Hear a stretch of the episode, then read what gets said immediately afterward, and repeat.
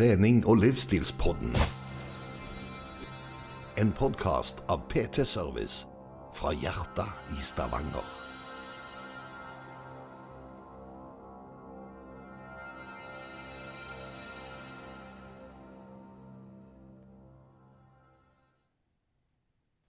Da er det bare å ønske hei og velkommen til trening- og livsstilspodden med meg, Lloyd Georg Færvik, og Anders, og denne gangen nytt, ny plassering. Nå er vi faktisk i Østerhushallen. Øster, ja, Hvor er Østerhushallen? hen? Østerhushallen ligger i Oltedal. Det kan godt være de har flere, men denne ligger i Oltedal. Og nå er vi inne i treningsrommet. Så jeg har fått lov å vise fram til deg nå. Så uh, hva syns du? Ja, altså det er jo, vet du hva, Nå er jo trenings, trening- og livsstilspodden er på location. Det er jo det som skjer. sant? Er, Ja. det er litt sånn, Nå føler jeg at vi er på en måte Jeg har sett andre podder har sånne live-greier. live-greier. Men vi, det, det vi heller gjør, det er at vi reiser rundt og har poddene på sånne spennende plasser. da. Så nå har jeg jo fått lov å kjørt forbi, eh, reist forbi Heksa. eh, og I mørket. i mørket. Det var såpass mørkt at jeg nesten ikke felte. Jeg så jo ingenting. Så, så det kanskje kan være sånn, sånn lite sånn hack til neste gang. ja. Så lenge du ikke ser noe, så er det ikke farlig. Jeg visste jo ikke hvor jeg var hen, sant? og GPS-en fortalte hvor jeg skulle hen, så da var det på en måte litt greiere for meg. Men, eh, men for en fin hall, altså. Hjelpes. Det er en veldig fin hall. Det, det, er litt noe til alle er det her, føler jeg. Det, altså, vi har jo det fotballgreiene, og vi har all slags ballspill der ute i en kjempesvær gymsal, eller så, så, så, sånn en hall skal være. I tillegg så har vi et område der med eh, kiosk, vi har et område der med masse kontor, vi har garderober. Vi har òg eh, dette her treningssenteret som eh, ja, vel, greit kan sies at det er eh, Jeg syns det er fint. Og så spurte jeg jo deg, hva syns du? Jeg syns jo det er vakkert. Altså, det som er greia, er at eh, jeg eh, Du spurte jo meg litt grann om eh, et par tips, da. Eh, og, men jeg må jo si det at ikke bare har du, du har jo tatt de tingene som jeg på en måte har eh, nevnt, og så har du oppgradert. Eh, og hvis at jeg skulle hatt et drømmegym sånn, sant, i denne, og, så, så jeg tror ikke det er ett overflødig apparat her. altså. Det er alt jeg eh, skulle ønske meg. eh, Og, og så er det òg de gode løsningene, syns jeg. Det er de apparatene som på en måte altså Kvaliteten på apparatene er veldig bra, og det er de riktige typeapparatene. Ikke nødvendigvis de som er litt sånn eh, Hva skal du si? At de er eh, Det er noen apparater som du bare OK, hvorfor har vi det? Det, det er ingen unødvendige, da. Eh, Istedenfor kan en bruke kroppen sin på de tingene som er såpass spesialiserte. Så her kan du trene hele kroppen på en veldig enkel og fin måte, og så har du da høy kvalitet på alt som gjør. Så jeg syns det er vakkert. Ja, ja det, det, det tror jeg folk setter pris på òg. Litt grann det med kvalitet og kvalitetsfølelse når du kommer på et, eh, et treningssenter eller en treningsplass eller en gym. Så der det er litt grann kvalitet, du får den der litt at uh, dette er ikke noe som jeg har uh, hjemme. Nei, for det, det er det jeg alltid har sagt. på en måte, Det er jo det med hjemmegym. da. Det er jo det at Hvis du skal være, ha et hjemmegym, så bør du i alle fall sørge for at det er kommersiell kvalitet på det. For det, at det er jo dobbelt negativt. Én, du skal gjøre det hjemme. eh, Og, sant? og to, du da skal gjerne gjøre det på dårligere utstyr. Så det er dobbelt så vanskelig. Altså, men du kommer til å slite, de som skal hjemmegym i Oltedal, for å si det sånn. ja, stemmer det. Bare for en liten ting her. Ja. Ser du den svarte stongen som er bak deg der? Den som er over der? Oi, oi, oi, oi, hva er det du har fått? Å, det er såpass, ja. ja. Er det den du har? eh? Det ja, det er American Barbell. Det er American Barbell, ja. Stemmer det. Nei, det, her er det mye bra. Det, så, så, men nå er jo ikke alle som ser på oss, da. Men for å fargelegge det litt, så har eh, Anders vært med i eh, utvelgelsen her. Og han har jo da valgt en god kombinasjon av lamellmøller, konseptoromaskiner, er kvalitetsapparater med høy belastning. Både, eh, det har ikke sett så mye, plate-loaded, men det er da god, godt knebøymuligheter, benkpresser. Og det som jeg syns er litt artig, for det er litt sånn, jeg føler det er litt sjeldent nå, at det er faktisk en sånn en eh, ribbevegg. Ja. Og det, det er noe som jeg savner på mitt gym, så det må jeg faktisk investere i. Men det er dyrere enn enn en ville tro. Jeg tenker gjerne at det er noe treplank, men eh, det er faktisk ganske dyrt. Men utrolig effektivt. Mm, og så kan du bruke det til ganske mye forskjellig òg. Og det området bak der har vi lagd litt sånn at dette er et område der vi har lyst til at folk skal kunne trene litt annet enn kun knebøy og den tingen der. Så da har vi på en måte bli beveget litt. Grann, TRX, medisinballer, kettlebells, strikke, all slags bak der. Blasfemi. Det er Sånne ja, kle- klesstativavdelinger på. Men for å si det sånn, den avdelingen der blir ganske godt brukt. Ja, det tror jeg. Dette er fint, og det er gode farger, og det er satt opp på en lur måte. Det, det, det er gjennomtenkt, og så er det god plass imellom apparatene. Så, så eh, det, dette er bra, Anders. Ja, bare et lite sånn shout-out til lytterne òg, for de har jo vært med og lagd dette her. Ja, det er sant. Det er sant. Ja, det har de faktisk. eh, det er sant, det. Kult. Ja. Havsitt. Så eh, da, når vi er i Oltedal her nå og har kjørt forbi eh, skumle tjern og alt verre er, så eh, tok jeg en liten sånn en eh, tidligere dag og så skrev et innlegg på Instagram der jeg spurte folk om de kunne forklare hva de syntes var god gymetikette da, og gymregler som det var. Og det vanligvis, selvfølgelig, liksom, når jeg legger ut en sånn story, så er det litt reaksjon, noen som ser det, men akkurat denne reaksjonen her var ganske, ganske voldsom da. Eh, og Det var litt gøy. Ja, jeg syns jo sånt er fantastisk. Og vi har jo et- etterspurt eh, tidligere regler og litt sånn. sånn. Vi har aldri snakket noe voldsomt i dybden på det. Nei, nei, for jeg tenkte, det som jeg liksom kom på at vi kunne gjøre nå, det var å prøve å lage en episode som handler litt om ok, for det, det er jo litt det nye gummiet i Oltedal, det er det ene. Men eh, la oss ok, hva er drømme når jeg kommer inn, når jeg skal som da har holdt på en stund, eller gjerne en som aldri har trent før, skal kunne høre på den episoden og så tenke at da vet jeg hvordan jeg skal oppføre meg når jeg kommer på gymmet. For det er en del ting som er gjerne uskrevne. Eh, De, det, nå gikk det jo en del ting igjen, men det er jo en del uskrevne regler som en gjerne Jo, ja, ja, det er helt Og jeg tenker også på de som kommer inn og er helt eh, nye på en eller annen plass. For de som har trent en stund, så er det de uskrevne reglene som du snakker om. De er på en måte, de vet om de, men de nye som kommer inn, vet ikke nødvendigvis om de reglene. Det er ikke sånn automatikk i at de plutselig vet de når de kommer inn. Og det som er på en måte ei fallgruve, og kanskje litt kjedelig, det er at hvis du trår feil eh, og gjør en eller annen ting som kanskje er en uskreven regel du ikke skulle ha gjort, så kan det være at noen blir irritert. Så jeg tenker vi må snakke litt til de som har trent lenge, at husk, alle kan ikke de reglene her. Men òg de som eh, begynner å trene nå, at det, det fins regler. Vær obs. Ja, vær obs. Og spesielt på en såpass det, altså For de eh, treningssenter, altså det å trene, det er jo fritida til folk, og de bruker mye tid på det. Og det er jo en, eh, det er en av de arenaene gjerne en er, er litt, har lyst til å, å jobbe litt med seg sjøl, at en er litt inne i seg sjøl. Så, så det at man kan på en måte tilby altså at, kan, at folk kan føle seg litt vel på en sånn plass, det tror jeg er kjempeviktig. Eh, Det som jeg så gikk igjen, det var jo eh, de Man kan jo gjerne ta de der vanlige først. Ja. Eh, Fordi, Skal vi gå rett i, eller har vi noe vi skal snakke om først? Det vet jeg. Nei, jeg syns bare begynne med regler. Er fint. Jeg synes det er greit å liksom snakke litt. Grann. Hvem er det som trenger de? De som har trent en stund, kan kanskje reglene, men vær obs på de som kommer. Ikke sikkert de kan de, så kan vi gå gjennom de. Hvilke uskrevne regler har man?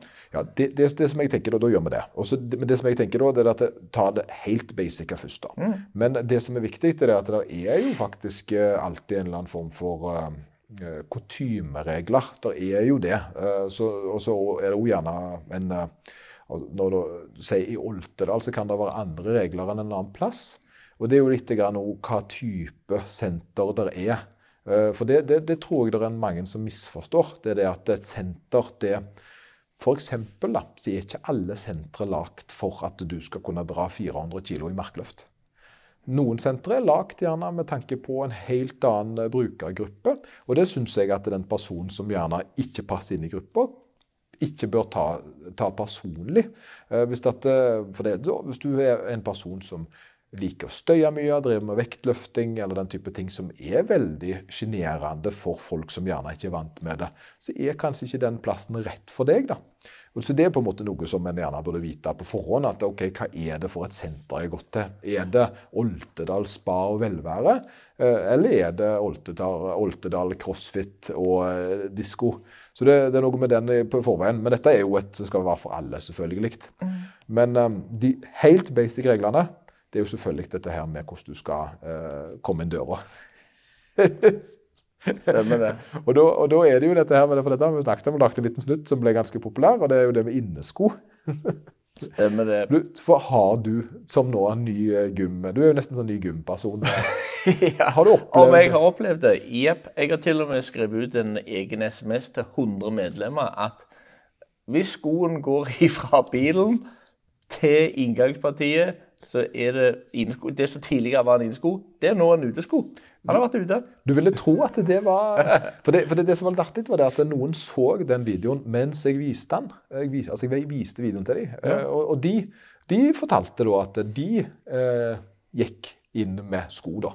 Eh, fordi de var Det var litt annerledes. Eh, fordi de hadde bare Fordi deres var ekstra rene når de gikk gjennom asfalten. Så det, er, det, er, det er noe å si. Du ville tro at vi, vi, vi, forklarte det godt nok på videoen, men vi gjorde ikke det. altså. Nei. Når vi sier at du ikke kan ha på deg skoen mellom bilen og inn fordi du går igjennom mye, at det blir en utesko, det tenker folk ja, herregud, du trenger ikke nevne det en gang til. Men akkurat det er det en altfor høy prosentandel som ikke kobler. De forstår det ikke. Fordi de tenker jo, men. Og det, dette her, her, har jeg alltid lært at det, jo, men, det skjer det alltid. Så det er alltid et jo, men. Eh, og derfor så skriver jeg nesten alltid det er ikke et men. Eh, og så prøver jeg å fargelegge situasjoner som er helt absurde. F.eks. at hvis det er dommedag, eh, og det er smalt en atombombe forbi, så skal du fortsatt ikke. og Sånn har jeg skrevet. Men likevel så klarer noen. Ja, stemmer det. Så det, da vil vi klare kanskje å redde noen. Vi redder noen, men vi redder ikke alle. Om du Altså. vet hva menn betyr? Eller hos, jeg, kan- jeg kan fortelle hvordan jeg lærte det. Jeg får høre. Nei, det, altså, når du sier menn, så sier du egentlig Drit i alt det jeg nettopp sa, nå kommer det jeg mener. Ah, ja, det hadde godt poeng. Ja, veldig godt poeng. Ja, Eh, men men det, det, jeg tror det er likt overalt. Eh, Det finnes folk, for det at Du kjøper jo en innesko. Du går i butikken, så kjøper du, så er oppi hodet ditt 'Dette er inneskoen min'. Ja, ja, for, ja. Fordi de, de, de ja, akkurat, Det er akkurat som om på en måte, ja, den her er, den har jeg kjøpt for å være en innesko, og derfor så er den en innesko. Uh. Men, men det, er, det, altså, det er ikke noe du det, det, Du kan ikke være vet du hva, Man kan ikke forklare det. Før folk begynner, før begynner å finne andre episoder. Eller folk begynner å høre på noe annet. Lage en egen episode Ja. Inneskoepisode. Det er en regel. Ja, en regel. Men øh, så men kom inn, ta dere skoene og smil. Eh, det er vel egentlig det som er greia. Oss, Men det er faktisk en annen regel. Eller det, det er en uskreven regel. Men det med, det med å smile Nettopp. Det var det, for det, det, vi så, det jeg så når vi gikk gjennom For nå sendte jo jeg deg alle svarene jeg har fått. Mm. Og det var en del ting som gikk igjen, og det var nettopp det å smile, si hei. Faktisk på noen av sentrene så var det Og det var ikke bare ett, det var flere der det var liksom Her lærte vi opp alle til å si hei. Hei til nye folk, og hei når du At det er på en måte For det er jo ikke Men det er noe med å være litt vennlig, da. Ja. Eh, Det, det tror jeg er veldig viktig. Eh, Og det som var på en måte på Hva var det som gikk mest igjen på denne lista? Eh, Det var det med å rydde, rydde etter deg. Ja. Altså rydde vekk etter deg. Det å vaske. Eh, Vaske apparatene, vaske der du har sittet, kanskje ha et håndkle der du har vært. Eh, Og så er det òg dette her med eh, Jeg tror òg det, det var vær, vennlig, si hei. Jeg tror det gikk igjen på ganske mange når de ikke hadde svart. Ja, jeg, jeg, tror, jeg tror det er liksom det der, det der nøkkelordet her er jo det å være renslige, da. Eh, Det tror jeg er veldig viktig. å og, og for å ta det på en måte litt på en sånn, et eksempel, så hender det av og til at det er folk som ikke lukter så godt. Um, og, det, og det er jo en sånn vanskelig, vanskelig ting, syns jeg. fordi hvordan skal du snakke med en person og så fortelle han dette? Jeg er jo ikke foreldre til den personen. eh, Og, men det jeg har lært der For jeg har måttet vært nødt til å tatt den praten. da. Ja. Og da er det jo det å si til dem at eh, når en trener hardt Eh, Nei, kom igjen, du. Dette, dette kan jeg ta noe ut av. Så nå er jeg veldig spent. ja. Når du trener hardt, så svetter du ganske mye av og til. Eh, og det som skjer da, at det setter seg litt bedre i klærne. Så hvis du vasker klærne på 30 grader, som du står du skal gjøre, så får du ikke alltid ut alt. Eh, og dermed så kjenner du ingen lukt når du tar på deg klærne, men så aktiveres det når du har holdt på å være aktiv litt. grann. Eh, så dermed så kan lukta komme selv om det er rene klær. Ser du den? Ser du for ja, jo, for da får du får en utvei. får en utvei. Du gir det en utvei på den. altså. Ja, ja. og, det, og det, det, for å si det, de du forteller det til, det er ikke der problemet ligger. det, lukter ikke, det lukter ikke litt. Det lukter sånn at du, du må gå bort til dem, og så må du gå gjennom en vegg. Og så står de alltid alene av en eller annen merkelig grunn. Og de skjønner ikke helt hvorfor ingen vil snakke med dem. Det er fordi folk må tygge seg bort til deg. Det går ikke, altså. Det er så galt. Du kan smake luft og Ja, da er når du kjenner at Ja, når du begynner rett og slett få, få kalorier i deg av det, så Ikke derfor jeg går på treningssenter. Da springer jeg kilometer ekstra. Hygiene er altså viktig. Det er vel det som er greia.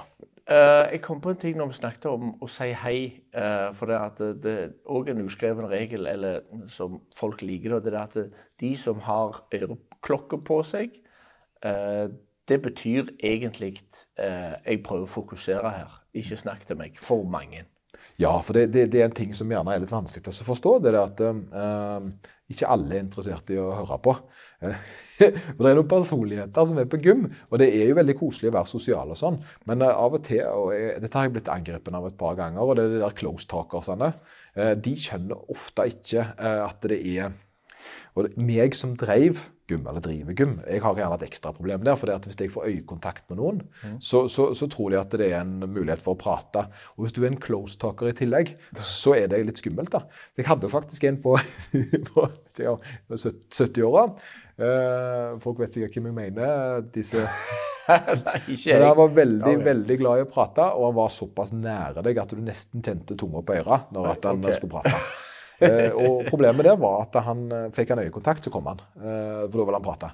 Og da var han jo hvis Jeg hadde en gang 150 kg i knebøy inni buret. Jeg sto altså inni buret eh, og fikk øyekontakt med han. Og da kom han altså inni buret mens jeg har vektene på meg for å prate. Og da ble jeg litt sånn Vet du hva, nå skal jeg se, eh, se hva som skjer.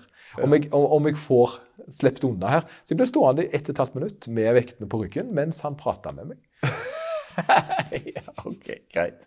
Så, Ja. så, så det ikke være en sånn. Det var egentlig ganske morsomt, for jeg traff han igjen under pandemien. Eh, og okay. da hadde det vært en tometersregel. Eh, og det var det nifseste jeg har vært med i hele mitt liv. Hvis dere har sett sånn zombiefilmer, så var det litt sånn. For han var så uthula. Det var ingen som ville prate med han. Alle flykta jo, og meg inkludert. ja. ja. For to- han var fortsatt en close? Han ville jo prate med deg? Han, og han skjønte jo ikke dette. Han var jo 70 pluss. Så to, altså han skulle jo dø. Det er jo det de sier. De, sant? de vi skulle redde, de, de var liksom drit i. så han var var på Elkjøp. Jeg måtte liksom rykke, rykke mellom hullene. Sant? Fordi han kom jo, vet du. Skulle, han skulle, skulle skravle, liksom. Og jeg bare Nei, nei, to meter, to meter. Jeg må gå, jeg må gå. Stakkar. Jeg jeg ikke handla. Opp med Ja, det full pakke.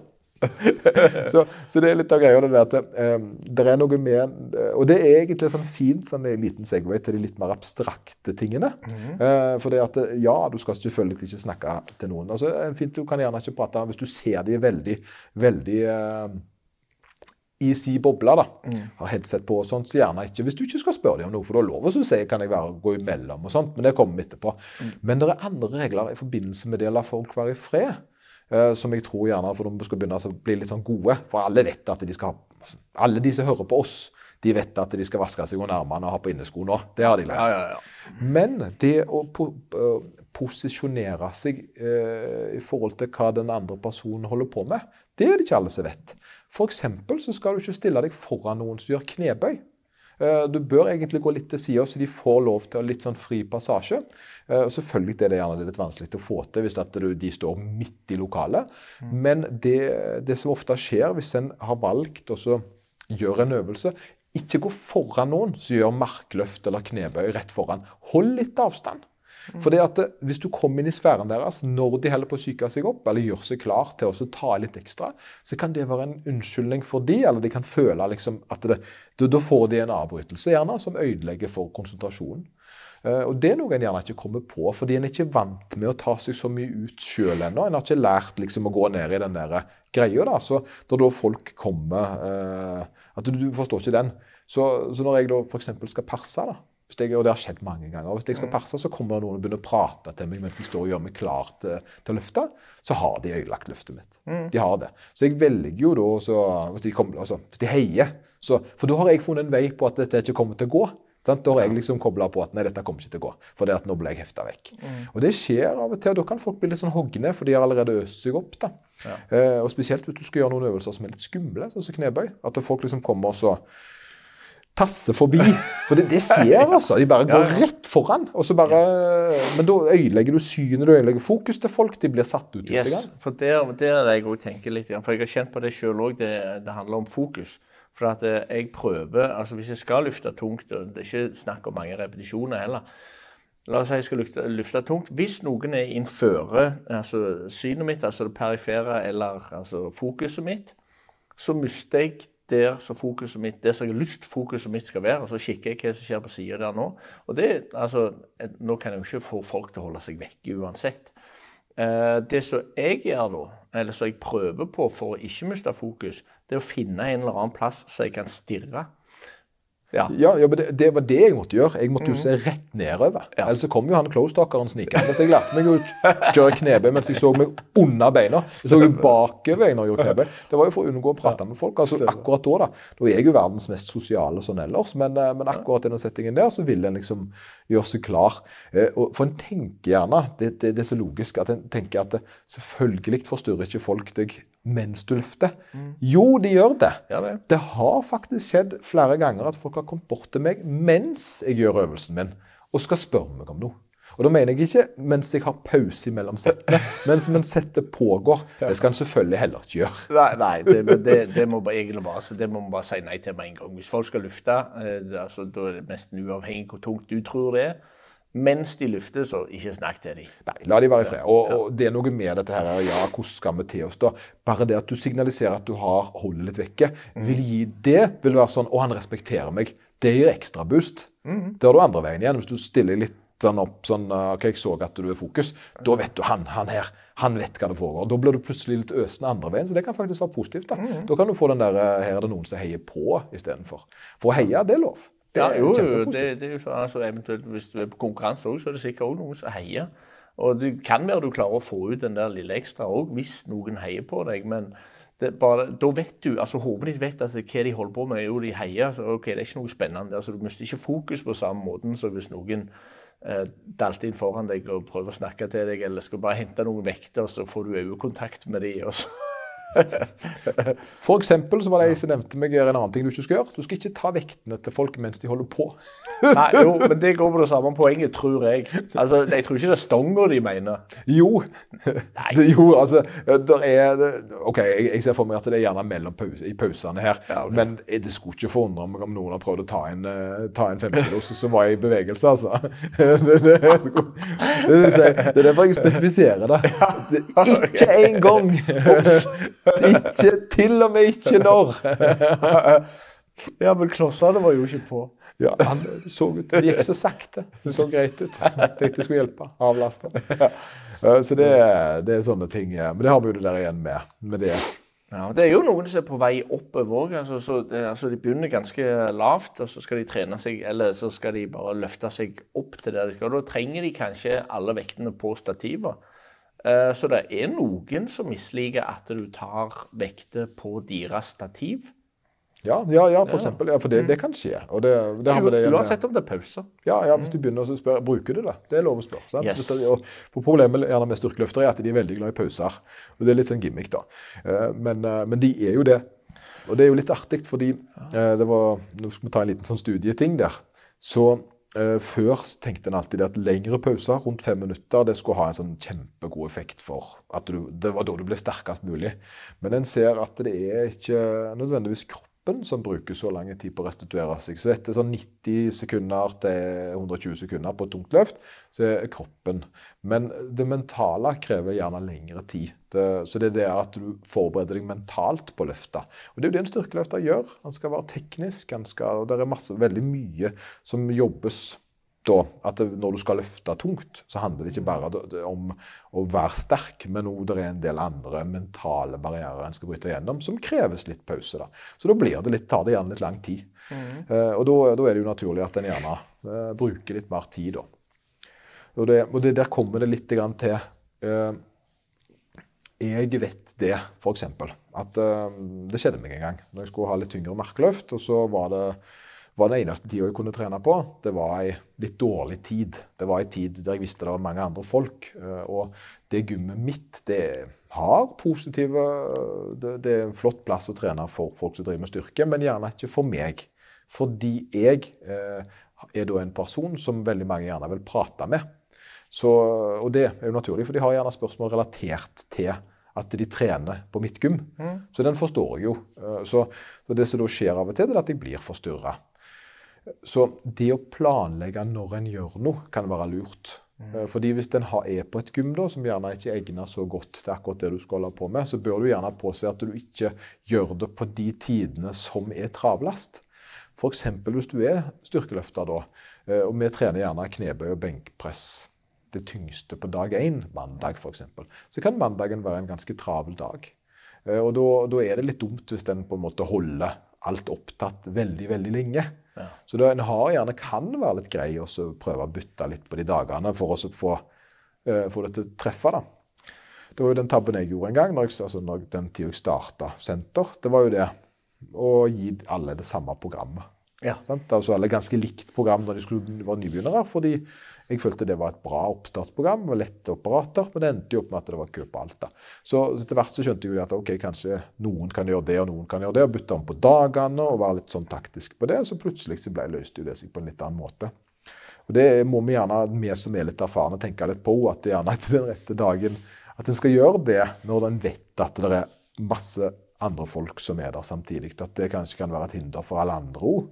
At en på en måte ikke bare skal tenke på sin egen uh, der. Men en prøver også å være litt uh, taktiske på det. Ja, finnes det, altså Dette er kanskje et websapol, men fins det eh, ei tid du på en måte Det er akseptert å okkupere et apparat når det er mange andre som har lyst på for, forskjellen er se, hvis du er på et styrkeløftgym. Mm. Hvis du er på et styrkeløft eller vektløftergym, så er det jo naturlig at det er mandagen det smeller best på. Så da er det gjerne de beste tid å gjøre det på. At det er da du kanskje skal ha den tyngste, for da er det flest folk som mm. kan heie, som vet hva det går i. Mm. Men uh, tingen her er jo gjerne det at den dagen, hvis du er da på uh, spa og velvære, så er det flest mulig folk som ikke vet hva det går i.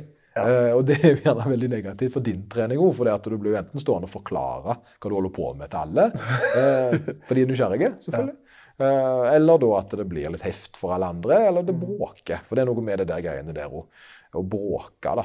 Ja. Nei, jeg tenkte mer på altså, Si det, det danner seg altså Folk har lyst til å ha det samme apparatet som du har. Det er ikke veldig mye å velge imellom. Det er liksom Jeg òg har lyst til å være der. Uh, hvor lang tid hadde du brukt da på det apparatet? Hva, det, altså, folk kan bruke altså fort en time på eh, knebøy eller markløft, eh, altså på det stativet. Det, det, som, det, som, eh, det, som, jeg gjør der, det er jo det at jeg må, en må jo lære å dele. Det er jo det viktig. Og den som skal være best på å dele, det er gjerne den som er mest erfaren. Uh, så den skal inkludere og hjelpe. Og det er jo ganske en fordel hvis at den i det minste er litt på nivået sammen. At det ikke er en som løfter 40 kg og en som løfter 200. Det sier seg selv at det kan bli litt krasj. da. Men da er vi igjen gjerne litt med at da er en gjerne Eh, kan en gjerne velge litt annerledes hvis en er på den travleste dagen. Men um, det å dele apparater er en ting som en burde være veldig god på. Og Det er jo en veldig fin måte å være inkluderende og hyggelig er jo nettopp det å si vet du hva, Hvor mange sett har du igjen? Ja, jeg har tre. Men bli med. Hvor mange kilo skal du ha på? Jeg setter på pang. sant? Mm. Da har de plutselig følt seg inkludert, og så er det greit. Og så gjerne Det kan hjelpe litt på ditt eget tempo, da, for at plutselig så er du litt sånn 1-2-3-tempo, at du er med noen andre samtidig. Så det kan være litt fint at du ikke sitter og diller. Mm. Så um, ja, nå var det jo dette vi hadde jo der, Sist da vi snakket om mobiltelefon og, og uh, bruk av mobiltelefon. Ja. Uh, og da var det jo en sånn en uh, om jeg nevnte det, at det var noen på Instagram da som tagga meg, for da var det kommet en ny studie ut som viste det at det ikke hadde så mye negativt å det å være på mobiltelefon mellom settene. Uh, det er iallfall ikke da på den studien. Men så var det det med den studien da, at de gjerne ikke presste seg for så veldig hardt. Det som jeg leste, som var likt min studie, det var det at de, de fleste opplevde økt RPE. At de følte at de, ting var tyngre, men de klarte det samme. Så det var jo egentlig en mental fatigue, mener jeg, selv om vektene gjerne ikke uh, viste det så godt. da. Mm. Så, så en bør gjerne være litt sånn legge vekk mobilen uansett, det jeg prøver å si. Ja, jo, men det tror jeg faktisk kan eh, Det med å holde på med mobilen òg, for de som har trent en stund, er veldig strikte. Jeg skal aldri bruke mobilen mens jeg trener. De kommer sannsynligvis til å irritere seg litt over de som bruker mobilen òg. Da da har du en som bruker mobilen, som fjerner sitt eget fokus, og så står den og prøver å trå i gang noen knebøy, så begynner han å irritere seg for han som bruker mobilen. For det skal ikke være sånn. Og så går hans fokus òg vekk. så bare legg vekk mobilen. Legg vekk mobilen. Jeg, jeg, jeg tror en kan unne seg sjøl litt kosetid og så tenke at dette er meg-tid.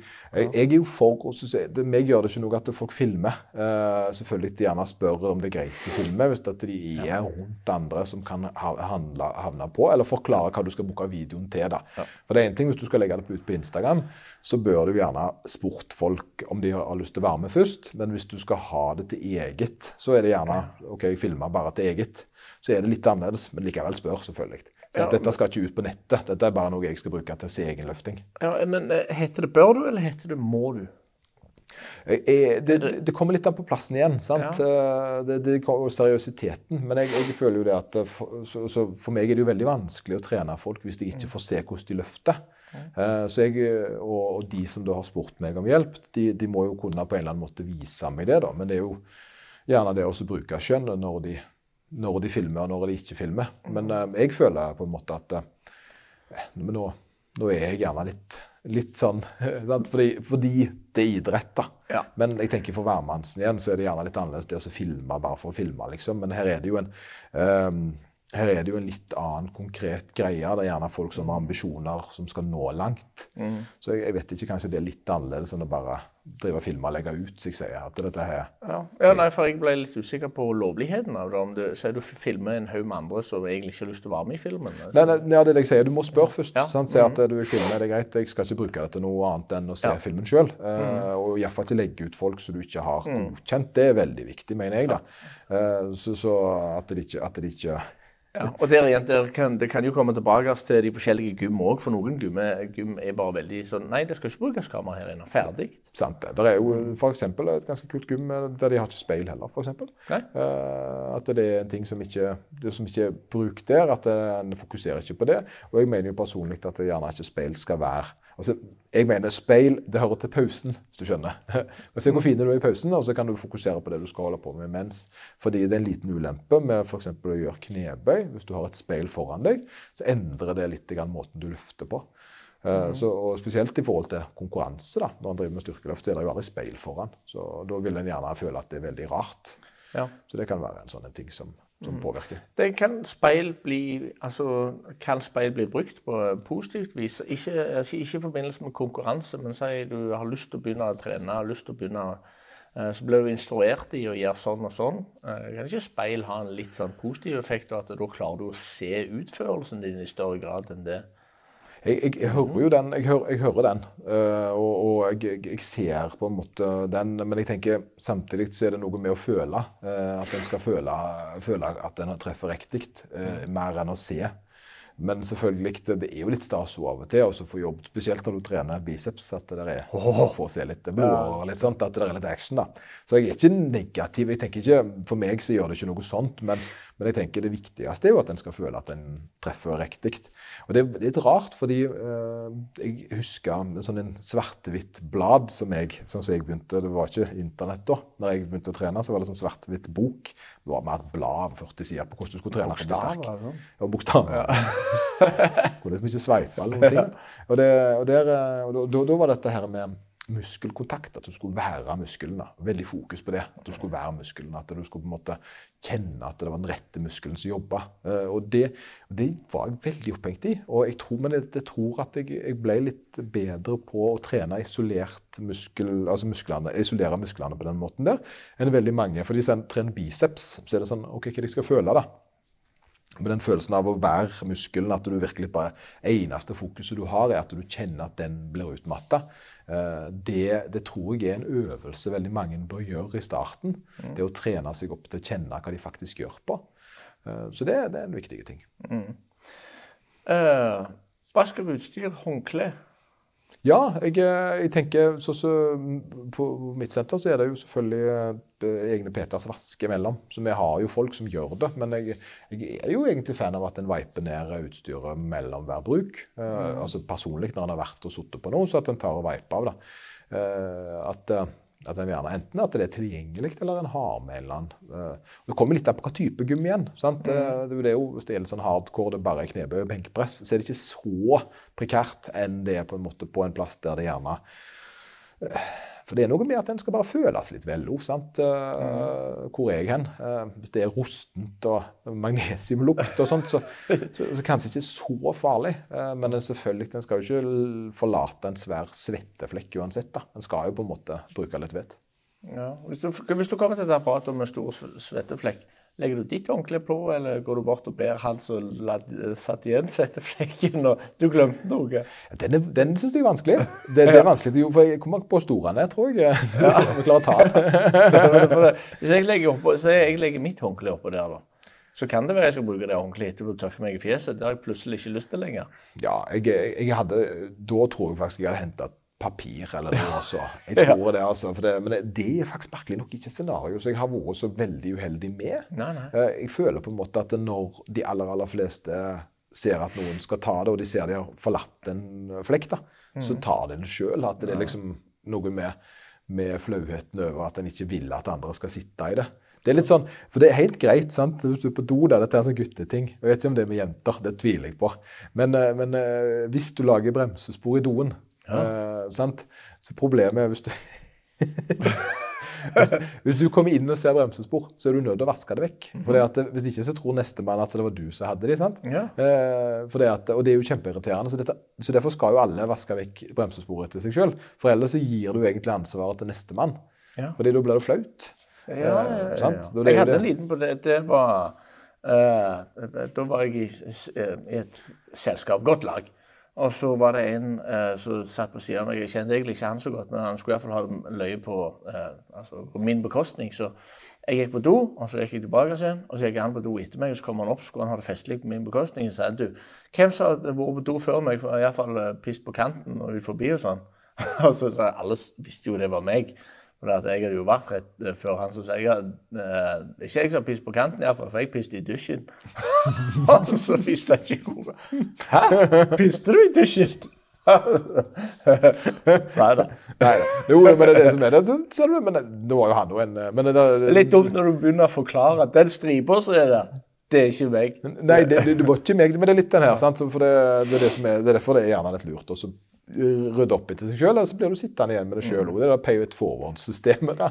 Ja, jeg kom på det det er korona. Vi hadde jo et sånn eh, eh, Vi hadde papir, og så hadde vi sånn spritflaske som sprayteapparat. Og vi sprayte alt sammen, så alt skulle være sterilt i, i alle gymmer vi var i. Men det som jeg lurte på, jeg tenkte på det en stund, tenkte jeg, de, de sprayflaskene, de håndtakene på sprayflaskene, hvor ofte vasker vi de? Ja, nei, Det er et godt, godt poeng. Eh, Alle tok jo på de der håndtakene. Det, det, altså, største smittekilden i hele gymmet er jo sprayflasker med sprit. Ja, har du funnet det, har du funnet. Men jeg husker jeg spraya jo meg sjøl i neven og ord, eh, for å si det sånn. Og så hadde jeg litt under nesen. Og, altså, men jeg, jeg, Med sprayflasker, ja. jeg ser poenget, ja. ja Og så bytta du hånd, og så måtte du bytte hånd. Hvor mange ganger bytte? jeg ser poenget, Anders. Det, det, var, det var mye jeg, Men akkurat det der For en surrealistisk tid, altså. Ja. Hæ? Ja. Det var rart å tenke på. Jeg drev jo gym opp. Var det bedre, eller var det dårligere Nei, altså, i forhold til gym? Fordelen min var jo det at jeg var jo en av de få som drev én-til-én-virksomhet. Så vi hadde det jo veldig bra sånn. så vi ble ikke, Andre hadde jo stengt. Østlandet hadde jo stengt i månedsvis. At det gikk bra med dem. det er overraskende. Det er jo veldig mange gym som har gått konkurs. det, men Kjedereaksjonene ser vi jo Det tok så lang tid etterpå. Eh, men det er veldig mange som sleit. Mens vi, vi hadde på en måte den én-til-én-terapeutdelen. Og vi hadde på en måte et helt eget konsept der det ikke handler om store gruppetimer. Så, så vi var akkurat nesten som vi var meint for. For å passe inn i den Ja, formen. da. Så vi, vi fikk, nok ganske, fikk det nok litt lettere enn veldig mange. Så det var vi litt heldige på. Men det er jo sånn surrealistisk etterpå. der Vi drev og holdt to meter avstand. og Jeg husker jeg nøys en gang, og så måtte jeg bare gå hjem. Eh, Det var jo sånn. Ja. Eh, For han ble jo helt vill i blikket, han jeg skulle trene. Så, så, det var så hadde allergi, sant. Altså. Ja, ja. Men det var jo sant. det var jo sånn. Eh, Så da måtte jeg bare hjem, og så måtte jeg ta test. Ja. Så det, for det måtte jo Avkrefte. avkrefte det. Men så var det. Så, men uh, uskrevne regler, ja. ja rydding. For, det for jeg er klar over med rydding, og de fleste, altså, de aller fleste tror jeg rydder etter seg. Og de som kikker på dette og hører på dette, er rimelig sikre på at alle rydder seg. Men bare for å ta de uskrevne reglene. Når du rydder etter deg, en liten bonusting der. Rydd vektene på plass der de hører til. Ikke bare en random plass. Veld, veldig godt poeng. Fordi det, det, er en ting, Hvis du ser, ser veldig mange gym så har de skraper ca. 40-50 cm opp på veggene. Eh, veldig mange eh, plasser. Mm. Og det er fordi folk legger vektskivene inntil veggen. Det skal det ikke være. Der er det ikke tillagt for at de skal stå. Så det skal lage ganske sånn grove spor på veggene ganske fort. Mm. Fordi det, gjerne, det, er jo gummi, så det er jo klart at det, det lager. Så de skal henges opp der de hører til, mm. og helst da ikke 25 kilos foran en 5 kilo, så at du låser de inne. Du sørger for at det, det er litt logikk i det. Eh, det er veldig viktig, tror jeg. Og det var vel det som gikk mest igjen på feedbacken vi fikk. At eh, ryddettrykk, det var liksom mm. den store.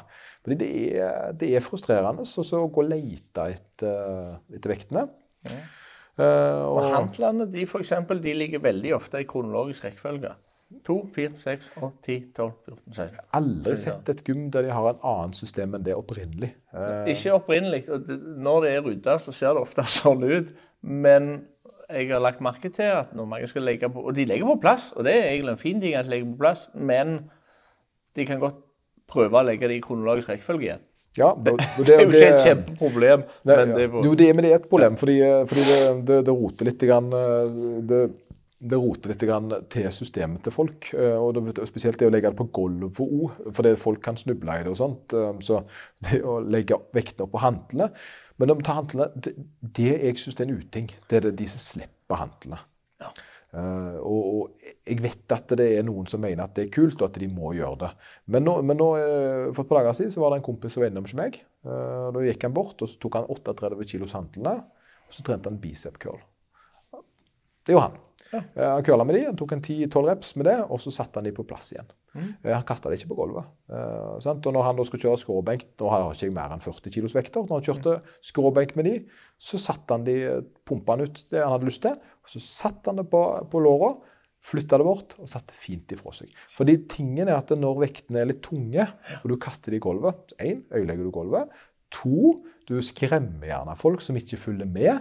Og tre, du øyelegger vektene. Jo tyngre vekter, jo større sannsynlighet er det jo selvfølgelig for at de får seg en smell. da. Så, så det er egentlig en veldig sånn uting det å dundre fra seg i gulvet. fordi eh, det er, ikke, det er ikke kult. Og når jeg tenker når han da kan curle med vektene dine, mest sannsynlig, så, og han er så snill og grei, så, så litt av poenget der er gjerne det at jo sterkere du er, gjerne jo bedre forbilde burde være i den saken der. da. Ja. Det er det som er at det er ikke kult å kaste ifra seg vekter. Nei. Fordi som gummeier så er det jo skamdyrt. ja. Men jeg skvetter òg et stykke. Så det er en ja, sånn ja, i fall, for Jeg ser jo for meg at hvis du drar markløft eller et eller annet, så det kan det være at det blir ganske mange kilo på der etter hvert, og at den siste biten kommer litt fortere enn det du hadde trodd, og da kommer det et lite smell. Uh, men da er du ofte klar over det. Det er en som driver med markløft der, men hvis det bare kommer handler fygende og treffer bakken og det smeller så folk, Det er klart folk støkker, og det gjør de òg når folk plutselig begynner å skrike. Ja. Og det er òg litt forskjellig, har jeg merka, fra gym til gym. Det med å være litt høylytt. Ja, øh, for det, dette er jo det her å handle Men det tror jeg veldig mye handler om gymkulturen du er i. Fordi eh, det, hvis du er på Haraldsgym, så, så lag så mye lyd du bare vil. Det er sånn kult kroppsbyggergym i Oslo. Ja. Eh, for der er det lagt at du skal på en måte være en av gjengen. og Det hører litt med, og en skal pumpe seg ut og kjøre høy, høy RPE.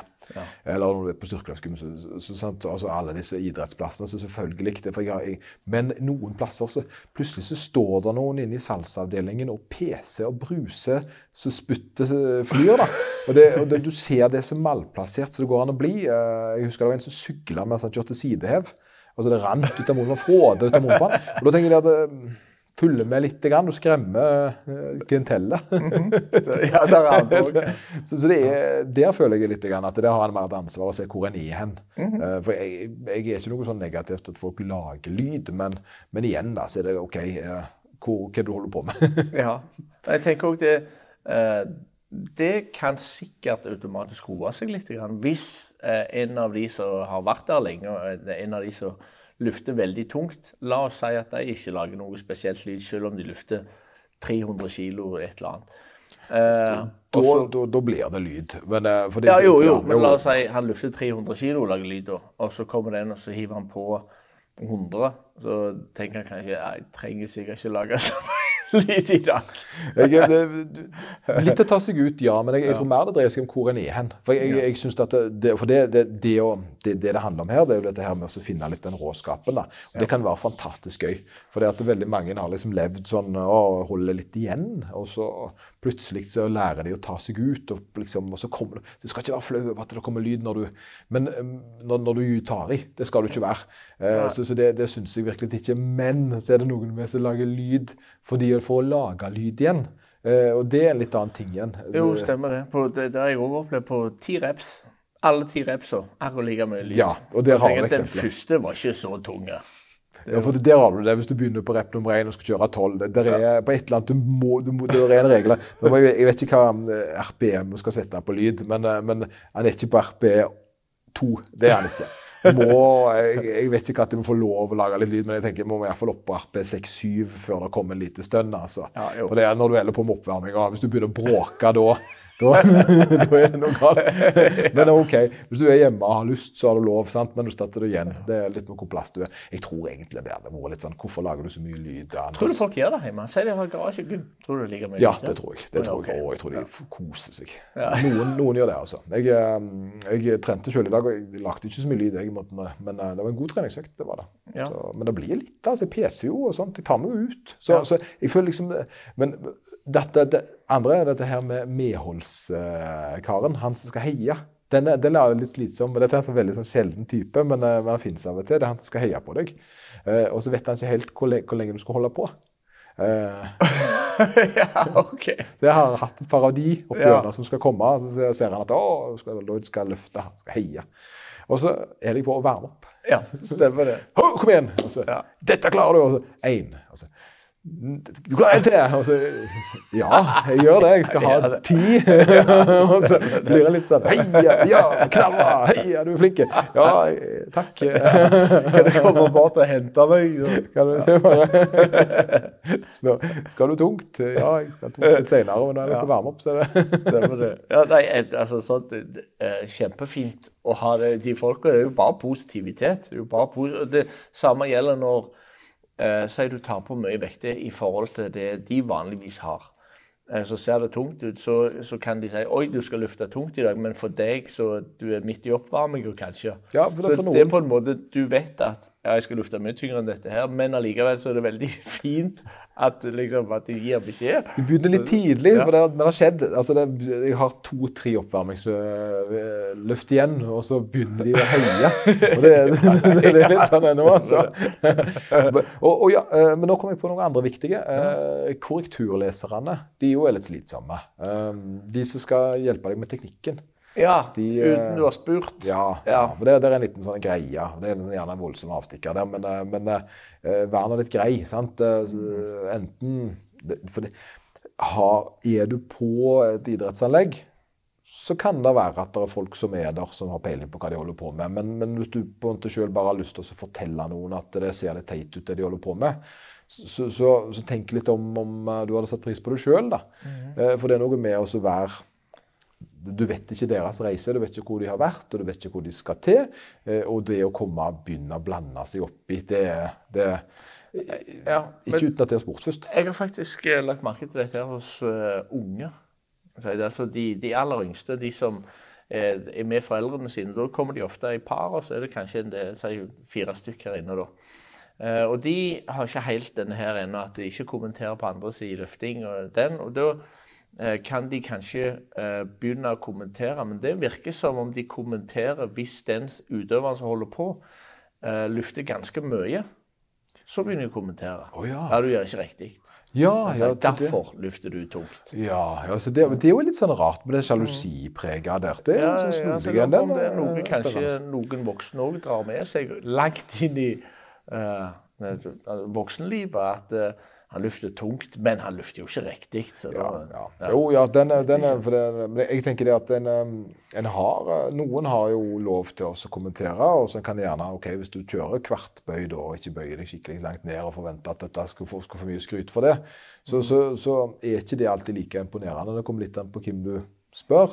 Uh, og det, og da, men, men igjen så er det noe med, er det din plass å fortelle dem det? Uh, Ja, den- ikke sant. Altså, det, jeg tror ikke det handler om at de eh, forventer at folk skal komme bort og skryte av det, men de forventer heller ikke at noen skal komme bort og prikke deg på skulderen og gi Hei, du lufter ikke riktig.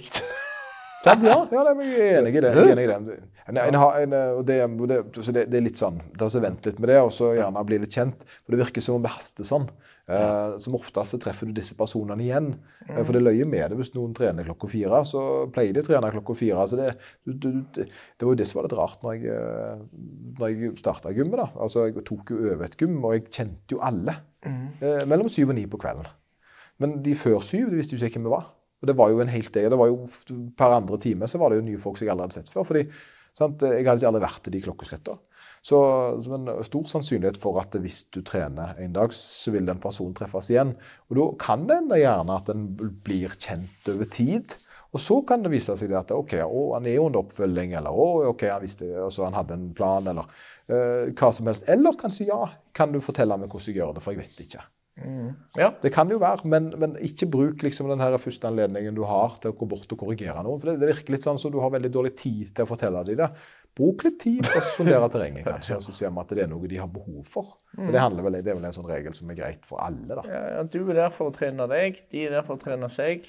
Og hvis de har veldig lyst på råd, så tror jeg enten de kikker på det du holder på med, eller så spør de.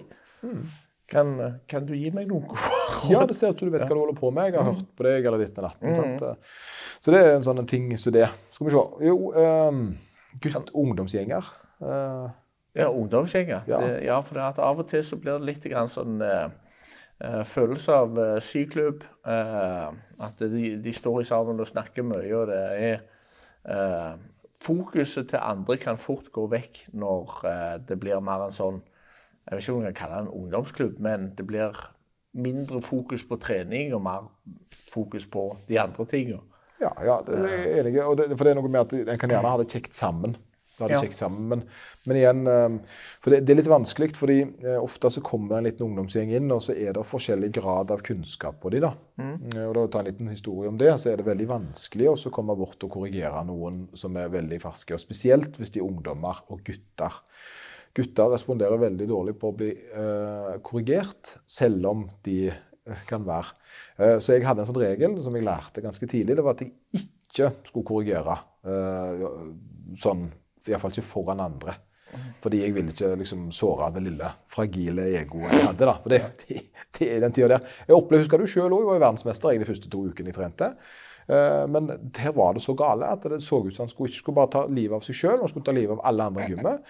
Eh, Og var, på den tida her så var jeg jo mye større.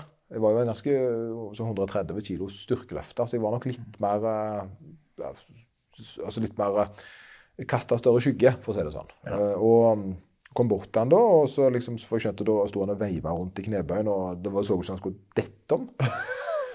og, og, og da måtte jeg fortelle han, for han holdt- det holdt på å knuse speilet. Ja, okay. At, eh, og da sa jeg til han at det kanskje Vet du hva, hvis du har lyst, så kan jeg ta og så ha en liten time med deg. eh, og så vise deg litt hvordan ting skal gjøres, så du får en, liksom fin, og, får en god følelse for dette greiene her. For det som skjer da, da, det er at han blir, ser meg, så ser han rundt seg, og så ser han at sant, folk legger merke til at jeg har kommet bort. Det er allerede en scene. Eh, Det er fullt i folk i lokalet, det er selvfølgelig til en mandag. Eh, Så svimer han av. Ja. Han svimer rett av stående. Så heldigvis så klarer jeg ta tak i han, og så liksom holder han i armene mine, og så setter vi ned med han, og så har han liksom i fanget. Og en liten sånn spurvunge. Knapt 40 kilo. Og så våkna han til liksom helt sånn. sant? Akkurat, var- jeg tror ikke det var første gang. Altså, Han var helt sånn liksom, Å, hva som skjer? Og sånn, så sier jeg så ja, det går bra. Romantikk. Oui, oui. Men det er disse tullingene. Altså, han svimte rett og slett av fordi det ble for mye for han alt som skjedde rundt. Det var rett og slett den der tenåringshjernen hans gikk helt kaputt, altså. Um, Ja. Og han kom jo faktisk inn til den timen der, og så fikk vist han litt. Grann. Så, så det, men, eh, men eh, det sier litt grann om hvor mektig det er, og hvor vanskelig det er å gå inn når du kan ha sånne reaksjoner på, på å bli korrigert. Ja, ja. Selvfølgelig, De fleste blir jo sure. Hvem er du?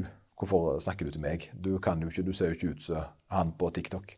Så du vet ikke. Ja, ja, jeg kjenner en på TikTok som jeg har sett en gang. Ja, det er veldig mye av det. Spesielt ungdomsgutter. De, de Ja. vil jo ikke gjøre det. Men det skjønner jeg jo sjøl. De vil jo ikke høre på gamle menn sitt råd. Uh, hvis de ikke vet hvem den personen er, men de har betalt for det. Det Ja. Eh, Og litt i forlengelsen av det, så, han, så tenkte jeg òg Eller det som òg har blitt kommentert, er dette her med mye folk, men så er det noen som har funnet ut at de skal ha supersett på sju forskjellige apparat. Ja, og, det, og Der er jeg litt eh, sunnere nå om dagen, for nå er jeg veldig glad i å lage supersett til mange utøvere. Mm -hmm. Når du trener hybridutøvere spesielt, gjerne styrkeløftere, er ikke det et problem med. Nei, de tar et apparat. Et apparat, men da er det jeg til gjengjeld opptatt. Ja. Da er det, Vet du hva den optimale lengden eh, mellom, eh, mellom hvert sett er? Å ja, ja.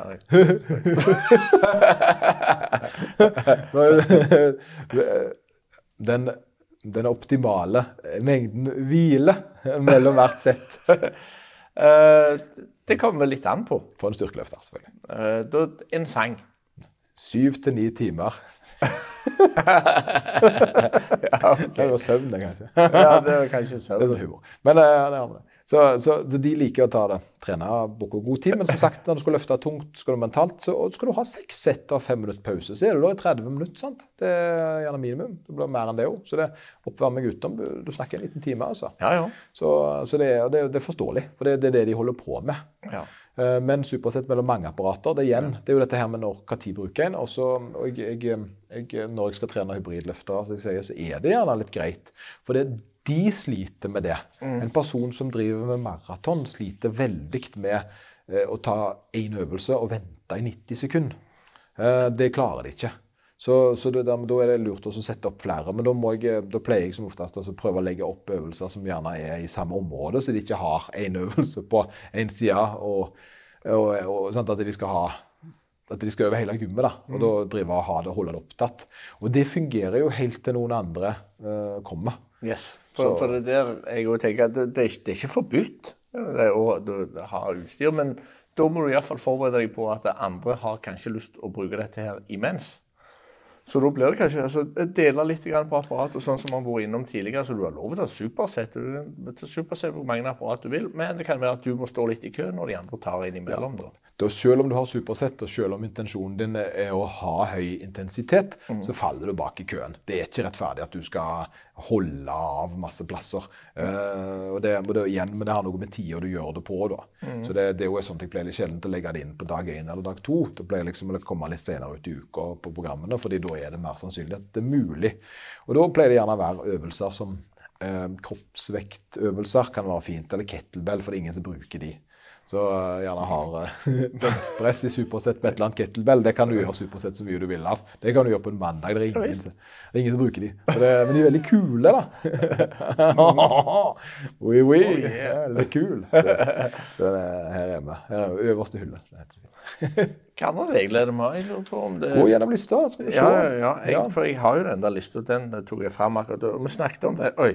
Snakket om de der ungdommene. For det var noen som hadde snakket noe om eh, de ungdommene mellom gamle var det de var? Ja, De var mellom 15 og 24, så det var veldig spredt, eh, og det var helst gutter. Det, men det, Ja. det, det, jeg føler er litt den her jo, med det med spesifiseringer på de som har skrevet til oss. Så er det tydelig at noen har hatt en dårlig dag når de skrev det. da. For det er, ah, det er de som begynner med bokstaven L, som trener benk med 120 kilo og eh, har eh, sure sokker på seg. I går. I går.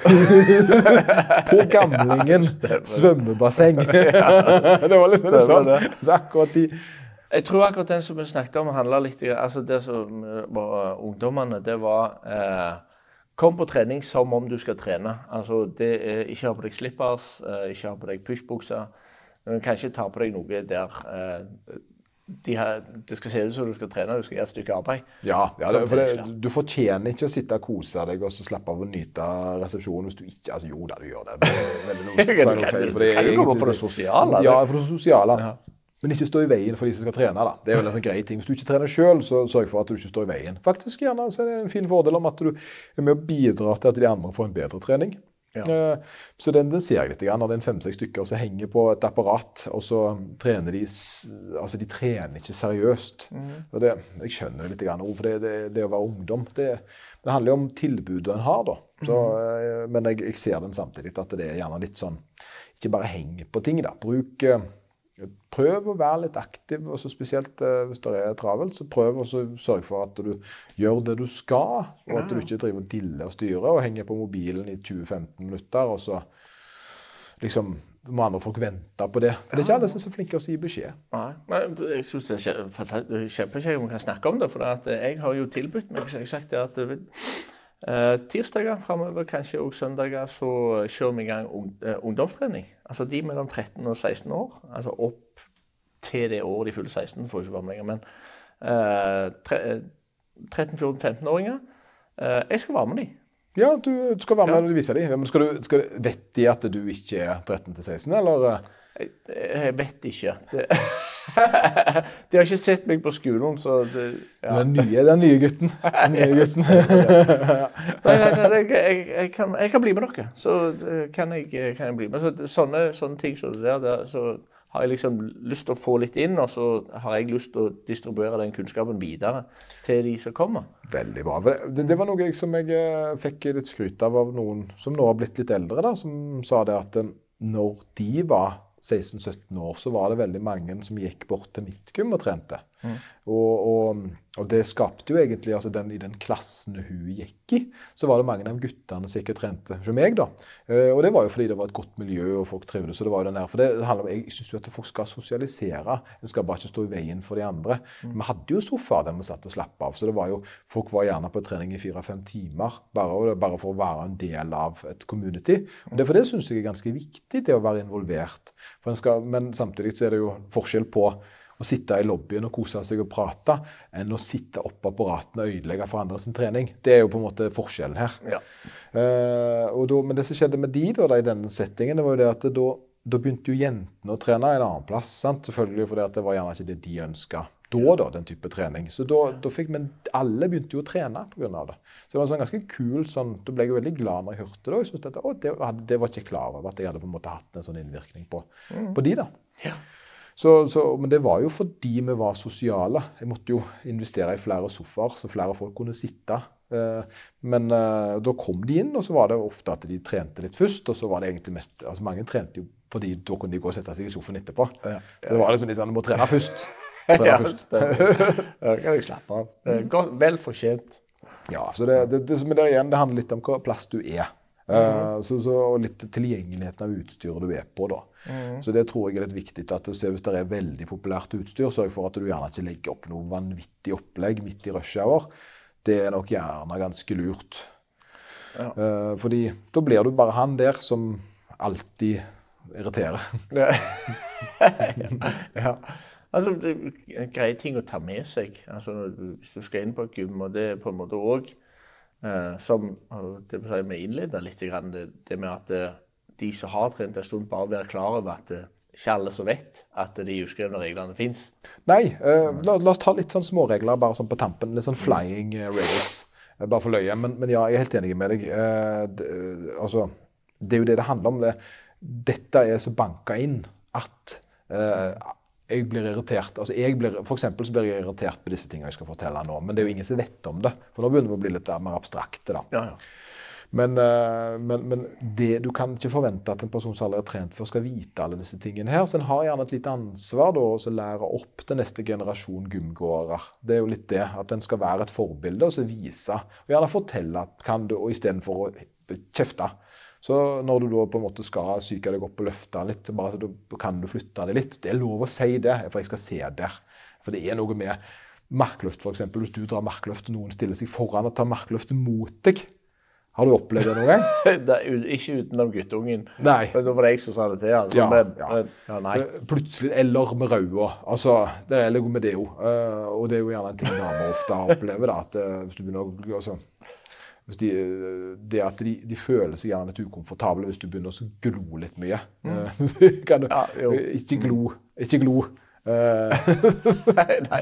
men, men abstrakte ting, da. Um, litt mer sånn eh, På, no, på metallvektskiver så er det logo bare på én side av vektskivene. Da skal de uh, innerste vektskivene de skal vende innover. Resten skal vendes utover. Uh, det, er en, så det er veldig viktig. Uh, for det betyr ulykke hvis, du, det, oh, ja. hvis ikke vektskivene står den veien der. Så det skal okay. alltid være. Så det, jeg snur de hvis jeg ser det. Og jeg husker en gang når jeg var i, på vesteuropeisk mesterskap eh, Mm. som coach, så var det et, noen som hadde satt 50 kilos metallskiver. De får det jo ikke, så det, de ser du ikke så ofte. Feil vei. Så det vil si at logoen pekte feil vei. Ja. Da snudde jeg den. Måtte ta av 180 kilo på stanga. Tok av, snudde den, satt på igjen. Da reiste det tyske landslaget seg og klapte for meg. Sant? Så dette er en universal regel. Så det er sånn Hvis du er inne på et internasjonalt mesterskap, så ser du at alle har den innerste innover. Så Det er bra. Det andre er at det skal alltid være samme type vekter. Du kan ikke ha to, to og en halv og en femmer på den andre. Det er ikke lov.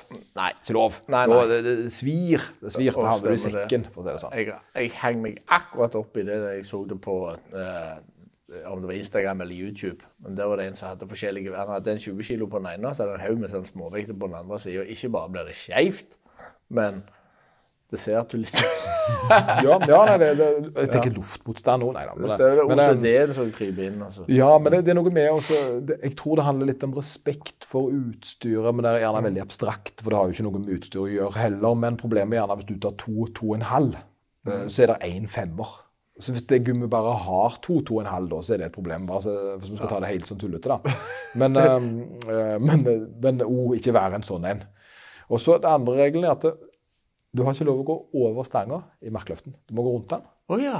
Ja, Hvis du går over den, så må du gå under den. Ja. Det kommer fra vektløfting. Eh, og greia der er vel det at hvis du slipper den, så skal ikke du gå over, for det kan han komme spredt opp igjen. Vil jeg anta at det er noe sånt greia greier der. Okay. Men han- si du går over den, da du ikke får til å gå unna den. Går det an bare snurre den runde, da? jeg, skal, ringe noen. Jeg skal ringe og høre. Skal ringe og høre.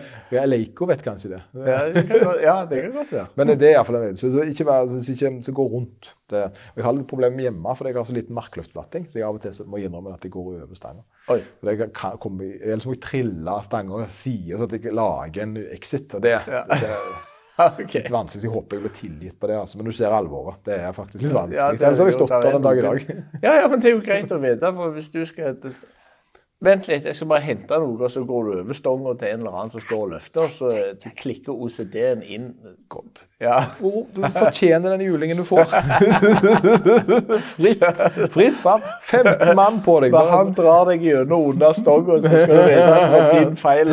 Det er Poltergeist-film. Det, er ikke under senga, det er under stanga.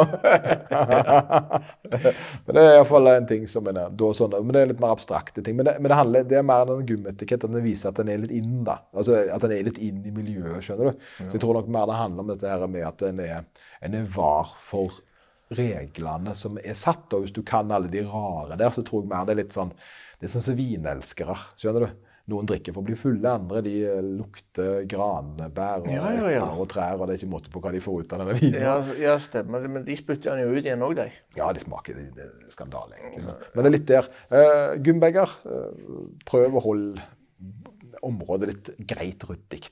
Eh, sørg for at hvis du skal ha med deg en gubbag, så legg den litt sånn at den ikke står i veien. For det, det skjer ofte med styrkeløftere. De har med seg 80 ting, en madrass og en uh, gyngestol, og så, så skal de på en måte ha Men, men legg det litt til siden, da. Så, så, Problemet ofte er at hvis det ligger masse greier, så kan hende mobiltelefonen din ligger unna, så er det noen som tråkker på den. Det er sånt som har skjedd. At liksom, du plutselig er litt uheldig, og så tråkker du på noen sitt utstyr. Ja. Det vil du jo ikke, for det er jo gjerne ikke din, du har gjerne et system, men gjerne folk ikke ser det. Ja. Så, så da kan en få et lite sånn uhell der. Så det er det å holde området rundt seg ryddig. Be that guy. Mm. Så det syns jeg er, er bra. Eh, De vektene som skal peke i en spesiell retning, altså innerste peker altså innover, de ytterste peker utover. Men når du henger de på plass, er det noen regel der? Ja, det er utøver da. Jo Ja, se alle alle utover. Ja, det, ja, det er et godt poeng, for det, alle skal utøve da. Det er Ja, okay. ikke den innerste inn. Det, det Ja, trenger du ikke der, altså. For det at du vil, der vil du ha et uh, likt system. Så 25 skal være på en rad. Det skal ikke være en som er snudd innover. Det er veldig viktig. Ja. Du sa det bare så innlevelse. Det er veldig viktig. Ja. ja, ja, men, ja, men nå er vi på tull og tøys. Nå er vi nederst i tanken her nå. Ja. Skal vi se. Ellers eh, Jeg tror egentlig det er mye av det jeg eh, har gått gjennom litt av lista. Ja. Eh, så at eh, jeg tror vi fikk, fikk de tingene. For det var en eh, 30 pluss eh, forslag, altså. Ja. Men det mye gikk i det å oppføre seg og rydde eh, Ja. og holde personlig hygiene. Det var liksom de tingene som Jeg, Jeg tror egentlig altså, hvis, du tar, hvis du har tatt alle de reglene der, eh, og utenom de siste eh, Så hvis du har summert de, så kunne du egentlig skrevet en regel, og det er jo egentlig vis hensyn. Ja, jo, jo, men der har du igjen Og, og, og, og det, da har du den her igjen, at det, det er ikke et unntak. Det, det er ikke, ikke utenom, bortsett fra. Ja. Ja, men, Men- eh, når jeg eh, har inneskoer på hodet, da Nei, det er ikke sånn.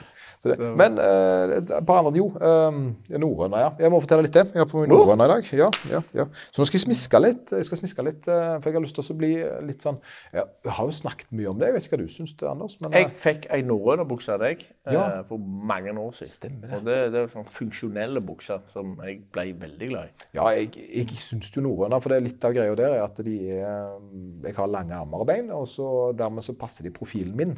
Eh, og så nå så jeg det at de an gjerne bli sånn norrøn ambassadør. Oh. Så nå skal jeg smiske litt med det. da. Skal jeg ta kontakt med de. Og jeg har jo egentlig sagt det at jeg ikke skal ha noen merker med navnet mitt. Ja. Fordi jeg skal liksom være coach Lloyd, men så tenkte jeg det at eh, det er visse produkter jeg bruker. Det er sånn som Garmin, Stride og det norrøne er jeg jo veldig glad i. Og nå har de begynt å lage løpeklær. Så, så jeg skal ta, så rett og slett ta og prøve å lage til en sånn en. Jeg bare sier det, da. For det at jeg, eh, da må gjøre det. Ja, ja, ja, ja, Ikke sikkert jeg får noe som helst, men, jeg men, jeg. men jeg skal iallfall ta og se hva det blir ut av det. da. Så gi beskjed at vet du hva, jeg har litt lyst til det. For det, jeg har alltid vært kjempefornøyd med de klærne. Så, mm. så det får vi se på.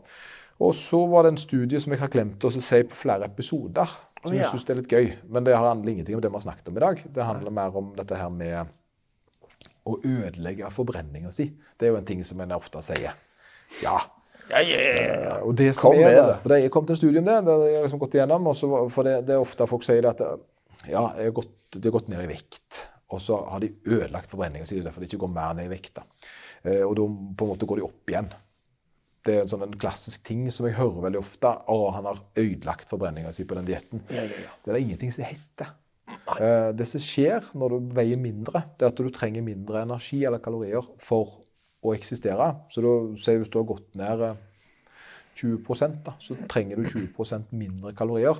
Så det er ikke noe, noe reload-tid.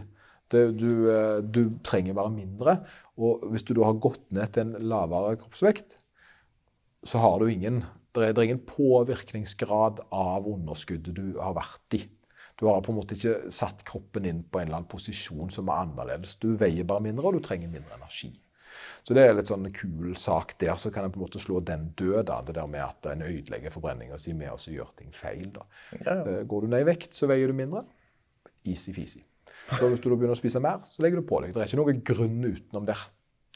Nå var det en annen som var litt sånn artig jeg lest i dag, som jeg lese litt mer om. Men uh, det handler jo om dette her om Og dette er litt sånn, synes jeg er litt sånn fascinerende, for jeg har ikke helt fått med meg detaljene. Men det den sier, er at eh, eh, hvis du det, er, der er egentlig ikke noen relasjon mellom uh, sult og trening. Så den, uh, det vil også si hvis du har trent, hvor sulten du er. Det er, har ingenting med treningsfaktoren å gjøre. Det har mer med hva du syns du burde ha. ja OK.